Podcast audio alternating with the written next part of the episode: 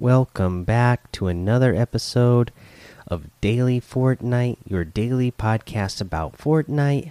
I'm your host, Mikey, aka Mike Daddy, aka Magnificent Mikey.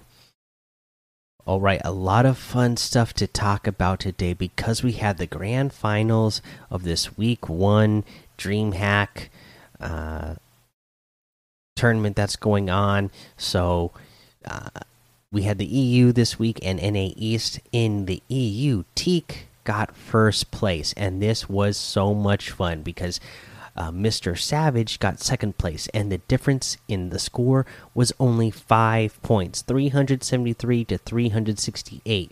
So just uh, an elimination away from tying.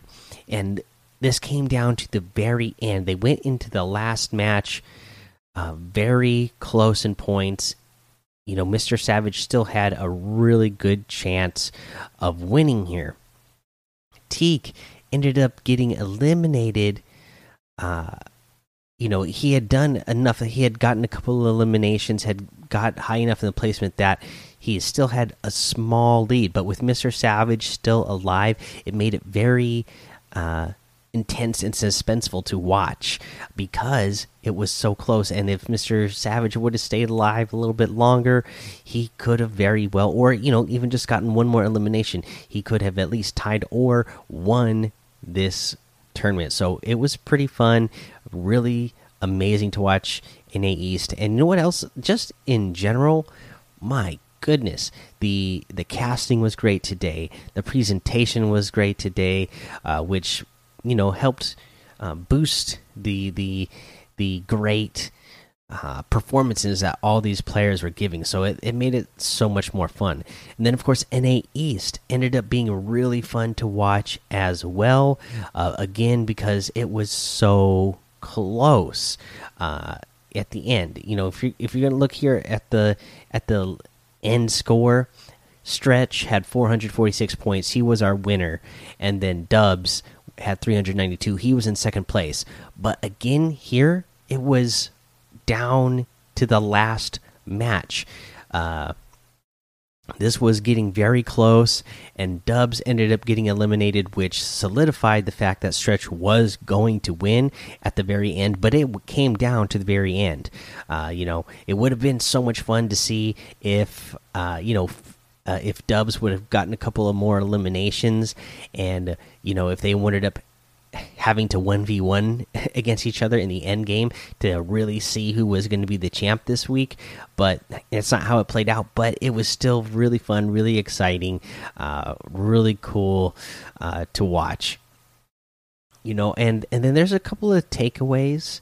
Uh, you know, I just want to take out of it that again that you know you i always try to remind people of this because i feel like it's important to know. The the the placements uh, is very important right? So if we take a look at the the the stats here for uh, na east stretch ended up winning uh, and he only averaged 2.38 eliminations per game. So just a little over two eliminations per game, but his average placement per game was 7.25. So he got about seventh place every match, seventh or better. You know, he had a match or two where he came in worse, but you know, Dubs coming in there at second place had just a little bit higher uh, average elims, 2.5 but the average placement there was 23.25 so 23rd so that placement difference was huge uh, you know because especially the way that dreamhack does their their uh, scoring system for placement you know they they start giving placements a lot sooner than we do in arena or in the cash cups where you only get them like you know at the 15th and or 25th and then 15th and then 5th and then 1st you know they they got them all like all the way down to i don't even remember. It, it goes pretty low like 50th maybe even lower than 50th they start giving out one or two uh, points for each, and then it just keeps going up more and more from there. So, if you can get in the top 10 every match, that's going to make a big difference versus other people who are, you know, second place, uh, 23rd, third place was averaging, he averaged, uh, we'll round that up to 29th place. Same thing for fourth, averaged uh, 38th place. So, you know, just those placement points are important. It's not only important to get eliminations, it is so important to play smart. Uh, if you go watch that very last match of NA East, you will see Stretch make some brilliant rotations, just traveling across an entire zone.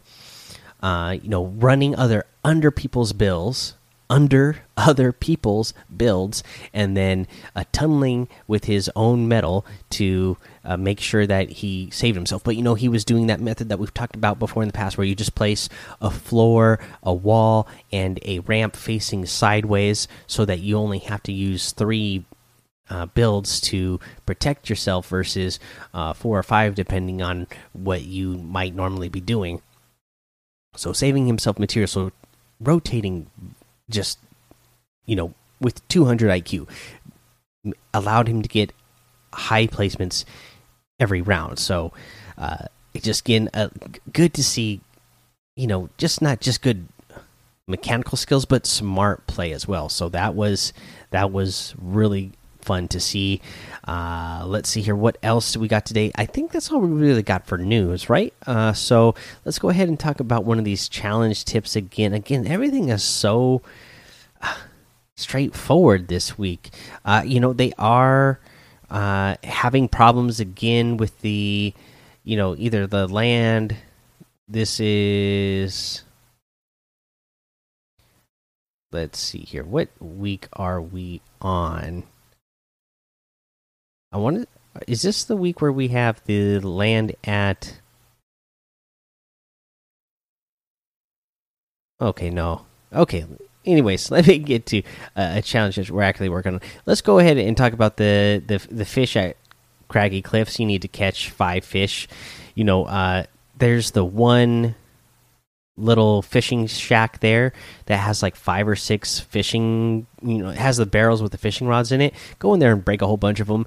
You're pretty much for sure going to get one harpoon in that building because there's so many of those barrels in there with the fishing rods in.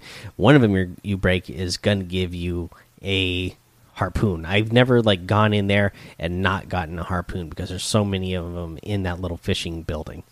Uh, take a rod with you just in case there's the, not a lot of fishing hole, holes, and uh, you know make sure you get that harpoon. Go to the fishing holes and fish them out as fast as you can.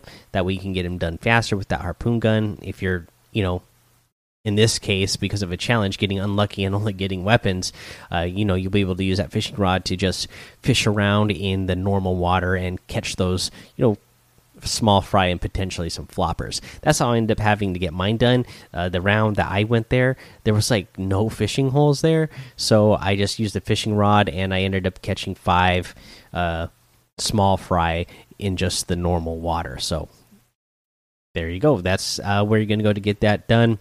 Oh, you know, in Craggy Cliffs, I guess if you guys don't remember, you didn't know you're new, it's all the way up there in E1, just uh, southeast of uh, the yacht. So down in there, in that corner, that building area there, because it is it hasn't gotten its name back yet. So that's where that location is. If you didn't already know for some reason. Uh, okay, let's go ahead and take our break here. All right, next, let's go over today's item shop. Right away, I noticed that the double agent pack and that pickaxe pack have both rotated out of the item shop. So, if that was something you wanted, I hope that you were able to save up the V Bucks while it was there because it's gone now. But what we do still have in the item shop is the Black Manta outfit with the Manta Pack back bling for 1,500, the Manta Blades harvesting tool for 800. We still got this super clean, awesome Power Patroller outfit for 800 V bucks, and that really good hook slicer harvesting tool for 500 V bucks. Uh, you're gonna have the Kuno outfit with the Dual Kama back bling for 1500, the Kenji outfit with the katana and kunai back bling for 1500, the quick strike harvesting tool for 500, the talons harvesting tool for 800, and the falcon glider for 1500. You got the arc outfit with the arc wings backbling for 2000, the divine wrap for 500, the virtue harvesting tool for 800, the evil eye harvesting tool for 1200, and the Malcore outfit with the Malcore wings backbling for 1500. Now we have the uh, Siren outfit with the Last Kiss backbling for 1200. This is another one that I absolutely love, especially that uh, noir uh, style that it has. Uh, same thing with the Wolf outfit and the Pelt Pack backbling for 1200. The Exo Axes harvesting tool for 800. The Reflex Blades harvesting tool for 500 you got the cloaked shadow outfit with the shadow wings backbling for 1500 the tactics officer outfit for 800 this is another good one. The bold stance emote for 500 the hot stuff emote for 200 the slurp wrap for 700 the Whiplash outfit for 800. You can get any and all of these items using code MikeDaddy, M M M I K E D A D D Y, in the item shop, and some of the proceeds are going to go to help support the show. Now, let's go ahead and talk about our tip of the day. And we kind of talked about some things in the news segment, right? When we were talking about uh, the dream hack, and we talked about how placement is important, how uh, you know all of that playing with uh, you know good game sense is super important to do well in tournaments. Well, here's the other thing that I want to give you a tip on that is really just related again to the mindset, and that is to never give up, you know, and anytime you're doing something in the game that you feel like you can be get better at, study it and figure out how you can make those things better. Uh, but you know, there was this meme going around the internet a lot lately where you know it shows a picture above of you know a guy digging through diamonds or through a tunnel to get to some diamonds, and uh, one of them stops just short. You know, if he would have you know hit if he would have hit one more time, he would have struck the diamonds. Uh, the other one, you know, the person kept going, boom, hit those diamonds. You never know how close you are, so keep pushing through, keep practicing, keep going because you know what? We talked about our winner for EU Teeq. Guess what? Uh, you know, obviously he was probably feeling good that he just qualified on the initial day, on the first day you know, it feels good. Like, hey, at least I made it to the next round. But probably not didn't do as good as he was as he wanted, right? Because he got 250th place. That's the very last place you can get to qualify for that round of the tournament and then you had to make it into the next round to get into the top 100. So the very on on that first day or in the semifinals whatever it was to get into to just get into that round barely made it. Barely made it. But kept strong, worked on those things, and kept a good mindset. That way, when he could come back the next day for uh, qualifying and then getting into the grand finals, he could take himself from last place all the way to first place in the grand finals, winning himself, I think it was $16,000. So, you know, that, that that's what it is. Imagine if he would have said, ah, you know what? I got last place on the first day, so uh, I guess you know I I might as well just give up. I'm not going to try very hard the rest of the tournament because obviously it, I just don't have it right now. Nope. The next day is a brand new day. You, you you you reset, you start over, and you get right back to work. And that's exactly what he did, and then ended up getting that first place. You know, he's he's that he's that digger that made it all the way to those diamonds, and that's that's who you got to be. Uh, so uh, keep motivated and and keep working hard. All right, guys, that's the episode for today. Go join the daily Fortnite Discord and hang out with us. Follow me over on Twitch, Twitter, and YouTube. It's Mike Daddy on all of those. Head over to Apple Podcasts, leave a five star rating and a written review for a shout out on the show. Make sure you subscribe so you don't miss an episode. And we got some shout outs to do this week. This one is from Alpaca747, titled Amazing Five Stars. This one actually hits right on the cusp that I don't remember if I read it last week or not. So if I did, hey, get a shout out twice. No, no worries. This one says, "Great podcast. I listen every day and love hearing the news for the day. Thanks for the daily uploads. You are welcome. Thanks for that review. We got one from the dude fifty five fifty eight titled Great, five stars. You're the best. Love you. Thanks. Hey, right back at you. Really appreciate it. We got one here titled Awesome with five stars. But it says, Hey, can you please try to post earlier? By the time you post, I'm asleep. And for one of your next vids, go for a trick shot. And by the way, say, meow meow piao piao okay boom there you go i said it so hey thanks for the uh, review. I feel like somebody else asked me this recently, and somebody else has mentioned it in the Discord. But again, guys, I'll I'll reiterate it here. Uh, I got a couple of jobs. I got a few kids. Got one wife, so my life is pretty busy. I don't have a set schedule that I record and put these episodes up by.